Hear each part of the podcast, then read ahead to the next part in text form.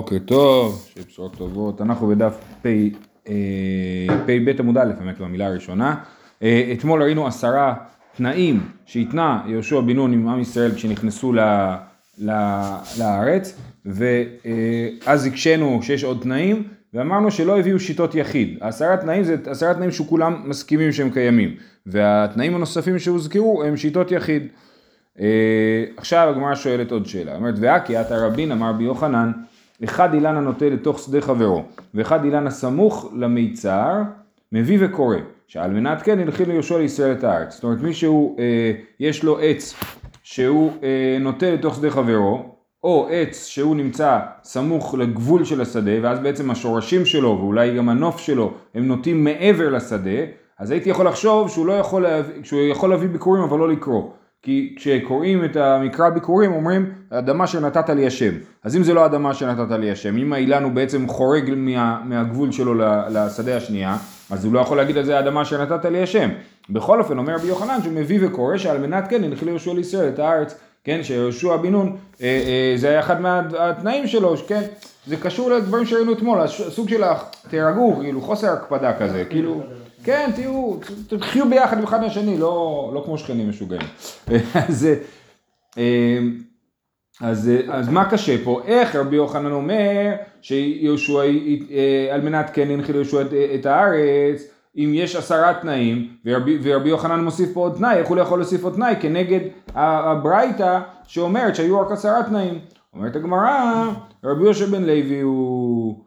אלא מן טענה, עשרה תנאים שהתנה יהושע, רבי יהושע בן לוי הוא. כן, זאת אומרת, זה לא ברייתא, זה אמירה של רבי יהושע בן לוי, שהוא ממש ככה על הגבול בין התנאים לאמוראים. אם אני לא טועה הוא מופיע בפרק שישי במסכת אבות, שזה הפרק שלי של כל האלה שעל הגבול שם בין התנאים לאמוראים, ועליו רבי יוחנן יכול לחלוק. אז רבי, רבי יהושע בן לוי אמר, עשרה תנאים התנה יהושע, ורבי יוחנן חלק וחושב, 11 תנאים כנראה. אה, אה, רב גביה מבי קטיל מתנילה בעדיה, רבי תנחום ורבי ברייס, עמרי משום זקן אחד, אומנו רבי יהושע בן לוי, עשרה תנאים מתנאי יהושע. זאת אומרת, כן יש לנו עוד מסורת מפורשת הדבר הזה, שזה מימה ששייכת לרבי יהושע בן לוי, רבי יוחנן מותר לו לחלוק על רבי יהושע בן לוי. טוב, אז דיברנו על עשרה תנאים שהתנה יהושע, עכשיו אנחנו עוברים, וזה היה קשור לעניין של אין מגדלים במה דקה בארץ ישראל, ועכשיו אנחנו עוברים לעשרה תקנות שתיקן עזרא. שזה מעניין, יהושע הכניס את בני ישראל לארץ בפעם הראשונה, ועזרא הוא לא, לא בדיוק הכניס, אבל הוא חלק מהעלייה השנייה, ויהושע עשה תנאים, ועזרא תיקן תקנות, כן? זה, זאת אומרת יהושע בן נון עשה תנאי, אמר אני מתנן לכם, נגיד הוא נותן לנפתלי את הכנרת, בתנאי שמאפשרים לכל השבטים לדוג שם, כן? אז זה תנאים. עזרא תיקן תקנות, והתקנות שלו קשורים באמת לעולמות אחרים של, של תוכן. אז עשר תקנות תיקן עזרא, אה, ככה, שקוראים במנחה בשבת, וקוראים בתורה, כן? וקוראים בתורה בשני וחמישי, ודנים בשני וחמישי, ומכבסים בחמישי בשבת, ואוכלים שום בערב שבת, ושתהא אישה משכמת ועופה, ושתהא אישה חוגרת בסינר, ושתהא אישה חופפת וטובלת, ושיהיו אוכלים מחזירים בעיירות, ותיקן טבילה לבעלי קריין. כן, אלה עשרת תקנות של עזרא, ואנחנו, אה, אני לא אסביר את זה עכשיו, אני אסביר כאילו, הגמרא מפרטת אותם. אז שיהיו קוראים במנחה בשבת, משום יושבי קרנות, כן, אז תיקן את קריאת התורה שאנחנו קוראים בשבת במנחה, למה משום יושבי קרנות? רש"י מסביר שיושבי קרנות זה אנשים שכל השבוע הם עובדים, אין להם זמן ללכת לקריאה בתורה בשני וחמישי, אז אומרים להם לפחות תשמעו עוד קריאה בתורה במנחה, אה, במנחה. זה הסבר אחד, הסבר נוסף שהרב שטיינץ מביא זה שזה בטלנים, כן? אם הם לא ילכו לשמוע קריאת התורה בבית כנסת, מה הם יעשו? הם אה, ילכו להשתכר ולעשות שטויות, אז עדיף שישמעו קריאה בתורה. ההנחה היא שבבוקר הם כן באים. בבוקר הם באים, כן, וזה גם לא תקנה של עזרה, זה כאילו, כן. כן. אה, אז הוא תיקן עוד כדי להעסיק אותם עוד קצת, את היושבי קרנות. אה, אתה יודע, למה בישיבות תיכוניות עושים יום לימודים ארוך? כאילו, מה אתה רוצה שהם יעשו? שיהיו קוראים בשני ובחמישי. עזרה תיקן. והמקרא ומתקנה, זו תקנה מוקדמת לעזרא דתניא, וזה מפרשת השבוע, והלכו שלושת ימים במדבר ולא מצאו מים. דורשי רשומות אמרו אין מים אל התורה, שנאמר אוי כל צמא לכו למים. אז מה זה אומר שהם הלכו שלושת ימים במדבר ולא היה להם תורה? זה מעניין כי עוד לא ניתנה תורה אפילו. אבל הם לא מצאו, לא היה להם תורה, נלאו, עמדו נביאים שביניהם ותיקנו להם שיהיו קוראים בשבת ומפסיקים באחד בשבת וקוראים בשני ומפסיקים שלישי ורביעי וקוראים בחמישי ומפסיקים ערב ושבת כדי שלא ילינו ג' ימים בלא תורה כן אז למה קוראים בתורה בשני וחמישי כי קוראים בתורה בשבת זה כבר אמרנו זה דבר מוקדם יותר וגם בשני וחמישי בשביל שלא יהיה רצף של שלושה ימים בלי תורה כי מה קרה כשהיה שלושה ימים בתורה זה אה, וילכו שלושת ימים במדבר ולא מצאו מים. אה, אומרת הגמרא, אז, אז ממילא אנחנו רואים שעזרא לא תיקן את זה, זו תקנה מתקופת משה רבנו, אז למה אנחנו רואים שעזרא תיקן את זה? מעיקר תקנו חד גברא תלתא פסוקי, אינמי תלתא גברי תלתא פסוקי, שתי אפשרויות, שהתקנה הראשונה הייתה או שלושה פסוקים, הייתה, הייתה שלושה פסוקים, לא ברור אם היה איש אחד עולה לתורה או שלושה אנשים, ועזרא כנגד אה, כהנים לווים וישראלים, שלושה פסוקים כנגד כהנים לווים וישראלים, הטעות היא כן תלת הגברי ועשרה פסוקי כנגד עשרה בטלנים. זאת אומרת עזרא אמר המינימום שקוראים בתורה זה עשרה פסוקים כנגד עשרה בטלנים. עשרה בטלנים זה האנשים, זה הבחורי ישיבה, הם יושבים, בבית, הם בטלנים, יושבים בבית כנסת, בואו נקרא את רש"י, בני אדם כשרים, בטלים ממלאכתן לעסוק בצורכי ציבור, ולבוא קודמים לבית הכנסת, כדי שיהיו מצויים עשרה לעת תפילה, ומתפרנסים של ציבור. כן, הם אברכים, הם יושבים בבית כנסת, כל העיירה צריכה להחזיק עשרה בטלנים, אנחנו גם רואים את זה במסכת מגילה, שבכל עיר שיש לה עשרה בטלנים היא נחשבת לעיר. אמ, ממש לעשות להם כבוד. כן, אז לעשות להם כבוד, נכון, יפה, כן. אז זה מעניין, כי כאילו אמרנו שהקריאה בתורה במנחה היא כנגד היושבי קרונות, והם כנגד עשרה בטלנים, אבל עשרה בטלנים זה דבר טוב, כאילו, כן, זה דבר חיובי. אמ, אלו מתבטלים ואלו מתבטלים. כן. אז עכשיו, עכשיו הקריאת תורה במנחה זה שוב, זה בשביל האנשים הפחות uh, שווים, יושבי קרנות, כן? הקריאה בתורה בשני וחמישי זה בשביל לא יהיה מצב שעם ישראל לא לומד תורה שלושה ימים, כי מה שקורה זה שהם מגיעים למצב uh, לא טוב. Uh, יפה.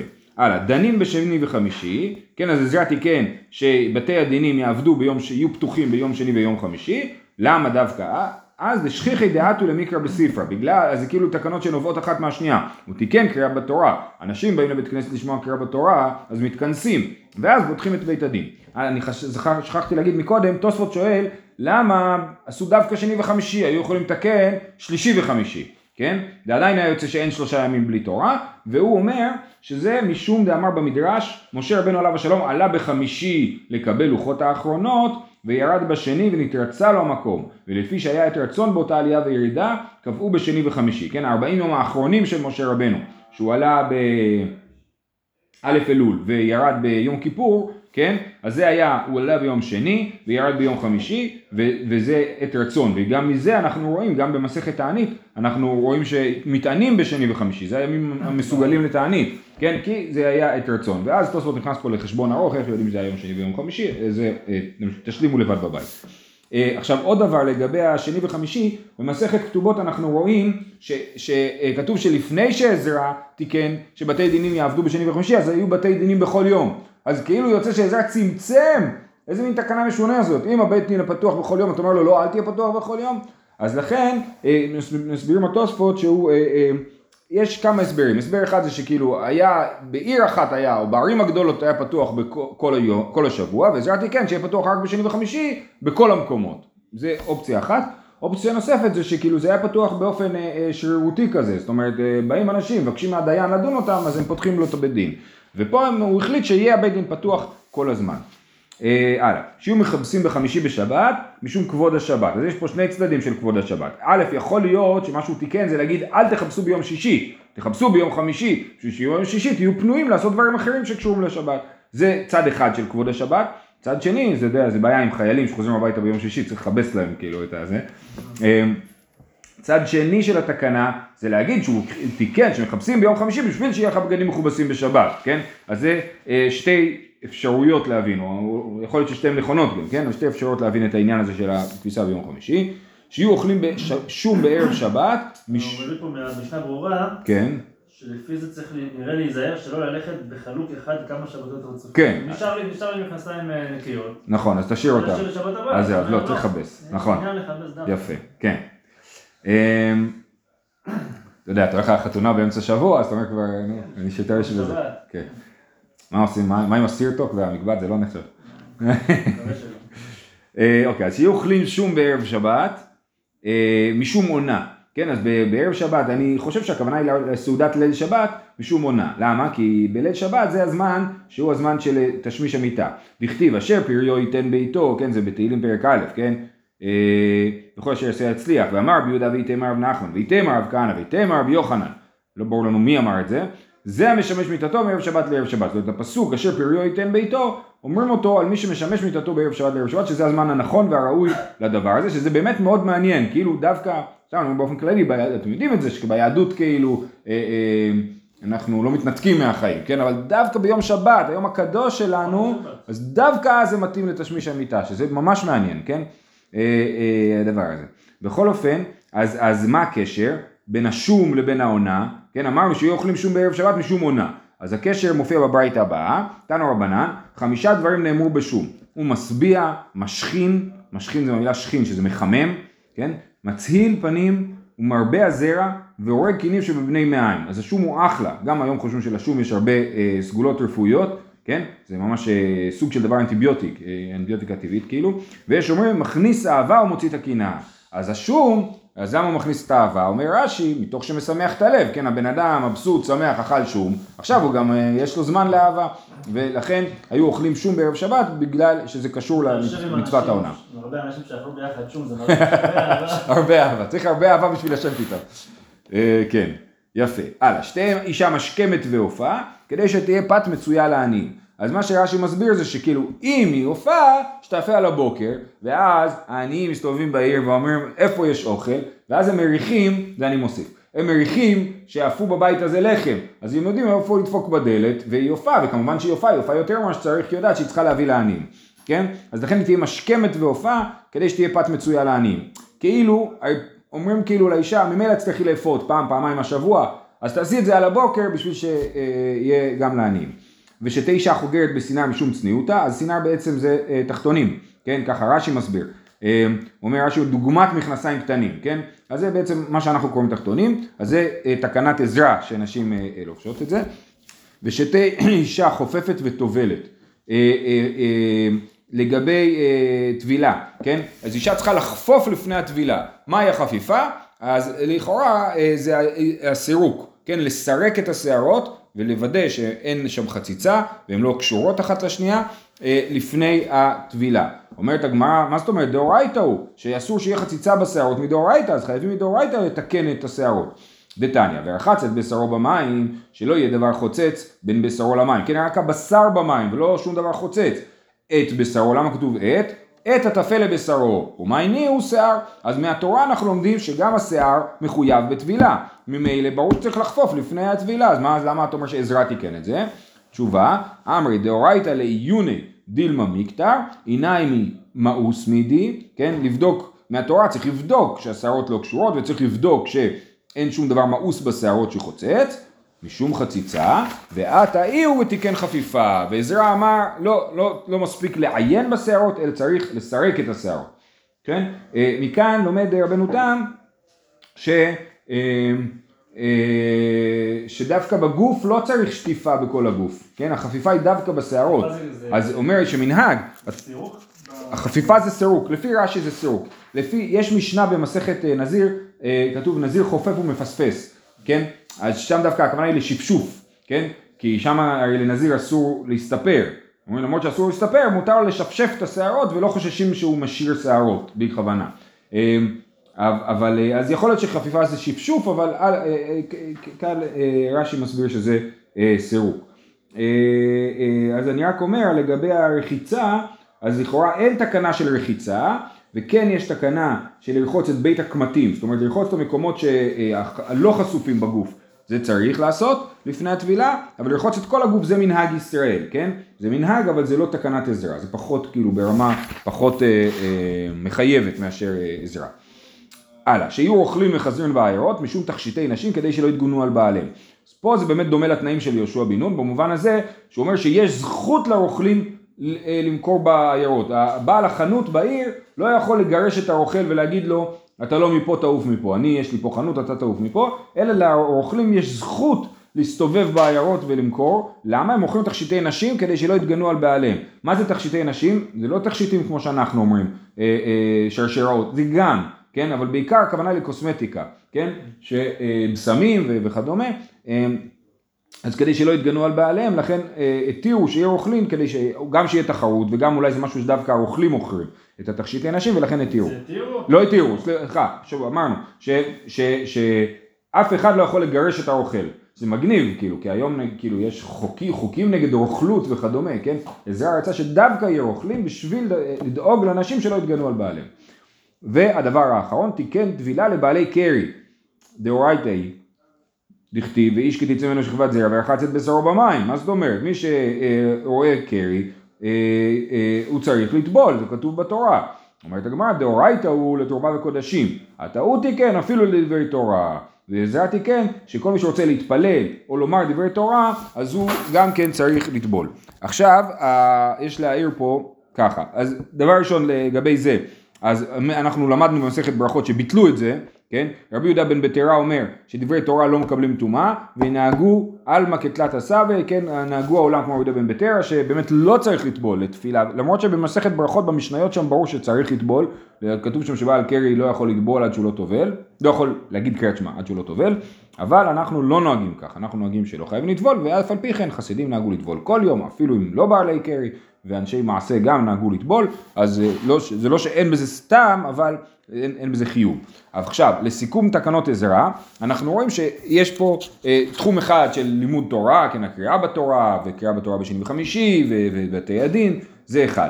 ואחרי זה יש לו גם הרבה דברים שקשורים לתשמיש, ויכול להיות שני צדדים בדבר. אנחנו יודעים שבתקופת עזרה היה בעיה של נישואי תערובת, כן, הוא מגיע ורואה שהעם נשוי לאשדודיות וכולי, וככה הוא, אה, ומקבלים באמנה לאסור נישואי תערובת וכדומה, אז יכול להיות שזה צד אחד כאילו שהוא רוצה לחזק את הזוגיות בתוך הבית היהודי כאילו, כדי שאנשים לא ילכו לנשים נוכריות, וגם יכול להיות שזה עניין של כאילו להרבות ילדים, זאת אומרת עלו לארץ, עלו לארץ לא מספיק יהודים, כן, לא עלו כולם בהמונים, אלא עלו חלקים, ועזרא רוצה לדאוג לזה שיקים פה יישוב יהודי גדול, כן, אז הוא מעודד את התשמיש. אבל אה, יש פה דברים...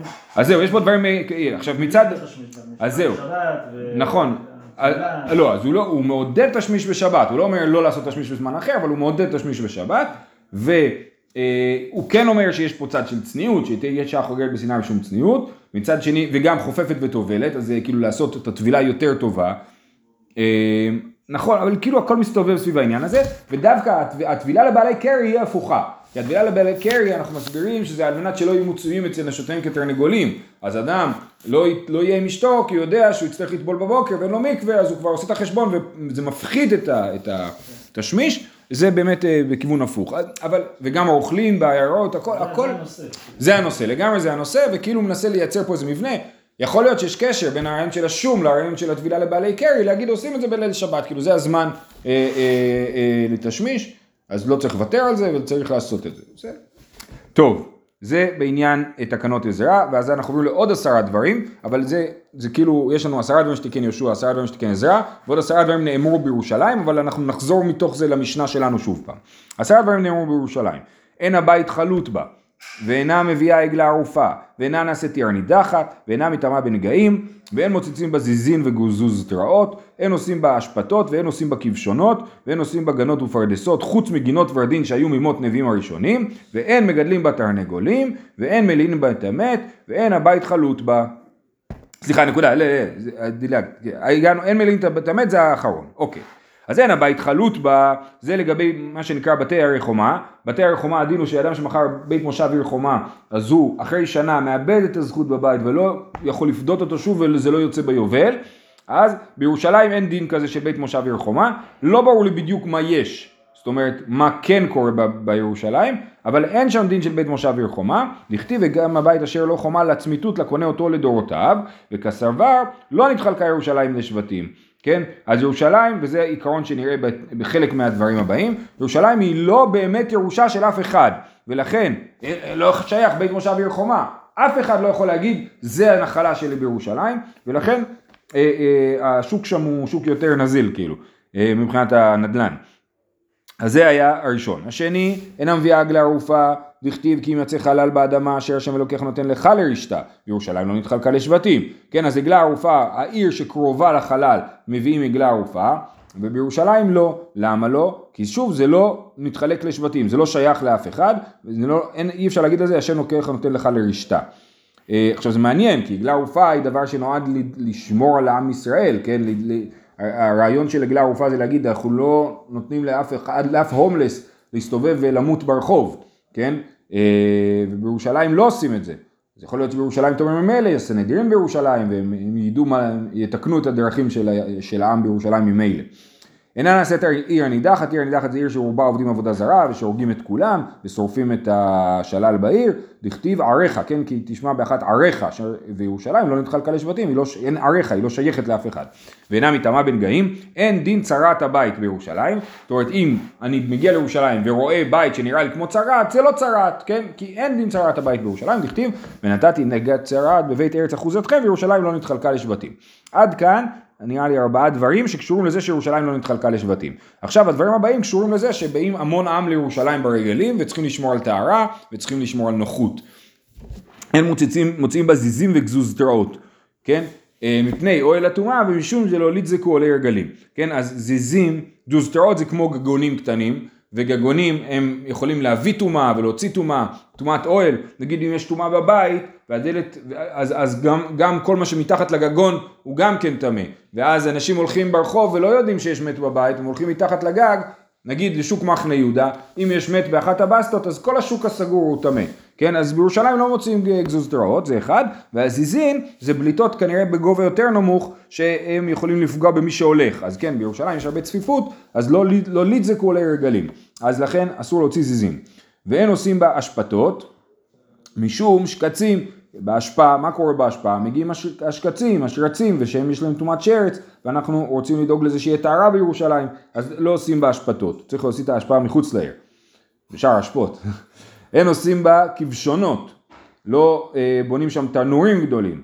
אה, יכול להיות שזה לא תנורים של אפייה, כי כן עופים בירושלים, יכול להיות שזה תנורים של סיד או משהו כזה, או, או דברים אחרים, בכל אופן, משום קוטרה, משום העשן, העשן הוא מסריח, אה, פה ביישוב יש לנו בלאגן על ענייני אה, תנורי חימום מעץ, כן, אז בירושלים לא עושים כבשונות משום קוטרה, ואין עושים בה גנות ופרדסים, שזה מפתיע, היום היינו חושבים שזה דווקא גנות ופרדסים זה איכות חיים, ופה אומרים לא לעשות את זה משום סירחה, הגנות ופרדסים הם מסריחים, רש"י אומר שני דברים, גם עשבים רעים גדלים שם, וגם דרך הגנות לזבלן, ויש סירחון, כן, אתה מזבל את השדה, ואז זה מסריח, אה, אז לא עושים גנות ופרדסים בירושלים, ואמרנו מקודם חוץ מגינות ורדים שהיו מימות נביאים הראשונים, זאת אומרת היו שם כמה גינות שהיה להם כבר חזקה להיות שם, ואי אפשר אה, אה, להזיז אותם, ורש"י מסביר שזה גינות שהיו צריכים אותם בשביל הקטורת, כן, היה שם, אה, אה, כיפת הירדן הייתה גדלה שם, זה לא מסריח, זה ויכול להיות גם זה עושה ריח טוב, נכון, כן.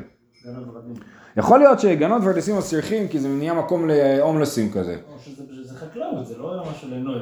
כן, נכון, ממש חקלאות. כן. ואין מגדלים בתרנגולים, וזה חוזר למשנה שלנו, שאמרנו את זה גם במשנה, שלא מגדלים בירוש, תרנגולים בירושלים משום קודשים, כי גם התרנגולים הדרך שלהם היא, היא למצוא כל מיני עצמות וחתיכות בשר, וזה עלול להוביל לטומאה. ואין מילים בטמאת גמרא, אז אין מילים בטמאת, זה ככה, זה מסורת שלא מילים בטמאת בירושלים.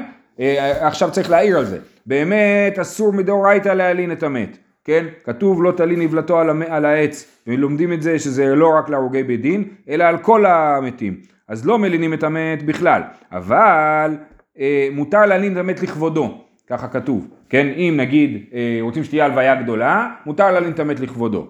ו, ובירושלים לא מלינים את המת. יש עוד דין שמופיע במסכת כלים בפרק א', ש... אה, אה, הערים המוקפות חומה בארץ ישראל, ברגע שהוציאו את המת מהעיר אסור להחזיר אותו פנימה, כן? אז בערים מוקפות חומה מותר להלין את המת, אבל אסור, להחזיר, אסור להכניס מת לעיר, בירושלים אסור להלין את המת בכלל. והמנהג הזה הוא עד היום מנהג ירושלים, אתם יודעים שמעיפים את המתים במהירות, לכן יש לוויות מנהג? בשעות הזויות באמצע הלילה. החבר'ה קדישא כאילו... לכאורה זה מנהג ירושלים, לא, היום זה המשפחה... כן. לא, חבר'ה קדישא נוהגים את מנהג ירושלים, כן. השאלה המעניינת שאני לא בטוח בה זה האם המנהג של החבר'ה קדישא הוא הוא הוא הדין הזה של מנין בית המת, או שאנחנו אה, חושבים שזה לא כזה היסטרי, אבל החבר'ה קדישא עשו, הפכו את זה למנהג ירושלים אה, כאילו היסטרי. כן. טוב, הלאה, אמרנו במשנה שאין מגדלים חזירים בכל מקום. תנו רבנן, כשצרו בית חשמונאי זה על זה. עכשיו אני אקריא לכם מהרב שטיינזלץ, מהצד, מהחיים. הוא אומר ככה, לפני מותה הורישה שלומציון המלכה את השלטון לבנה הבכור אורקנוס השני, אולם אחיו אריסטובלוס השני מרד בו והשתלט על המדינה. לאחר זמן מסוים חזר הורקנוס בעזרתו ועידודו של אנטיפטר, אבא של הורדוס, ואסף צבא שהצליח להביס את צבא אריסטובלוס ולהכריחו להתבצר בתוך ירושלים. אז עכשיו הורקנוס מבחוץ ואריסטובלוס מבפנים, שזה הפוך ממה שכתוב פה, אבל זה גם מופיע הפוך במקור אחר במסכת סוטה אולי, כן? אה, עכשיו, במרוצת המצור הזה בשנת 65 לפני הספירה, ביקשו הנצורים כבשים לקורבנות, תוך הבטחת כסף רב עבורם. מעשה זה בעיקרו מסופר גם בכתבי יוספוס, ושם מסופר כי הנצורים ביקשו כבשים לשם קורבן הפסח, והבטיחו סכום עצום של אלף דרחמות לכל קורבן.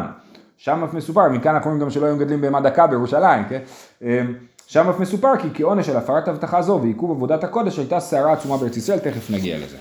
אה, אז הוא אומר, אז ככה, שצרו בית חשמונאי זה על זה, היה הורקנוס מבפנים ואריסטובלוס מבחוץ, כן הורקנוס קראו לו יוחנן הורקנוס השני, ואריסטובלוס זה יהודה אריסטובלוס השני, כן לא סתם קוראים לו יהודה ויוחנן, בכל זאת הם ממשפחת בית חשמונאי, וכל יום היו משלשלים להם בקופת דינרים, והיו מעלים להם תמידים, כן אז אמרנו שיוספוס דיבר על קורבן פסח, ופה מדובר על קורבן תמיד.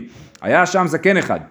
עכשיו, זה לא שיוספוס יותר צודק, יוספוס חי בשנת 70 לספירה, במרד הגדול, וזה קרה 65 לפני הספירה, אז זה 130 שנה, וחז"ל ויוספוס, אה, אה, כאילו, לך תדע, כאילו. אולי שניהם צודקים. אה, היה שם זקן אחד שהיה מכיר בחוכמה יוונית, אמר להם כל זמן שעוסקים בעבודה אין נמסרים בידיכם. למחר שלשלו דינרים בקופה והעלו להם חזיר, כיוון שהגיע חצי החומה נעה ציפורניו בחומה ונזדעזעה ארץ ישראל 400 פרסה על 400 פרס- פרסה. באותה שעה אמרו ארור האיש שיגדל חזירים וארור האדם שילמד את בנו חוכמה יוונית. ועל אותה שעה שנינו מעשה שבא עומר מגגות הצרפין ושתי הלחם עין סוכר. אז אה, אה, לגבי חוכמה יוונית נמשיך על זה מחר, כן? לגבי לגדל חזירים אמרנו גזרו בגלל הדבר הזה לא לגדל חזירים. עכשיו ממילא אין כל כך מה לעשות עם חזירים, אבל אז גזרו לא לגדל חזירים. הדבר האחרון זה שכתוב שנזדעזע ארץ ישראל, וכנראה שבאמת זה גרם ל... אה, אה, אה, הרש"י כותב שבגלל שהיה מצור, אז מי שעשה את המצור אכל את כל החיטה שמסביב לירושלים, אז היה צריך להביא חיטה מרחוק, כן? הרב שטיינזלץ תולה את זה אולי באיזושהי בעיה, בעיות בגשם, כן? בכל אופן, אז באותה שנה, אז יש משנה במסכת מנחות שכתוב מעשה שבא עומר מגגות הצרפין. צרפין זה שם של מקום, זה בלי ה', צריך לקרוא את מגגות צירפין, צירפין זה קרוב לצירפין של היום כנראה, כן? אז היו צריכים להביא את העומר מרחוק, את השעורה מרחוק מצירפין, ושתי הלחם גם מרחוק, מבקעת עין סוכר, שזה אה, אולי בשכם, אה, כי לא היה חיטה באזור ירושלים, אז לקורבן העומר הביאו מגגות צירפין, ומשתי הלחם שבשבועות הביאו מעין סוכר. זהו, מחר נמשיך, שיהיה לכולם רק בשורות טובות.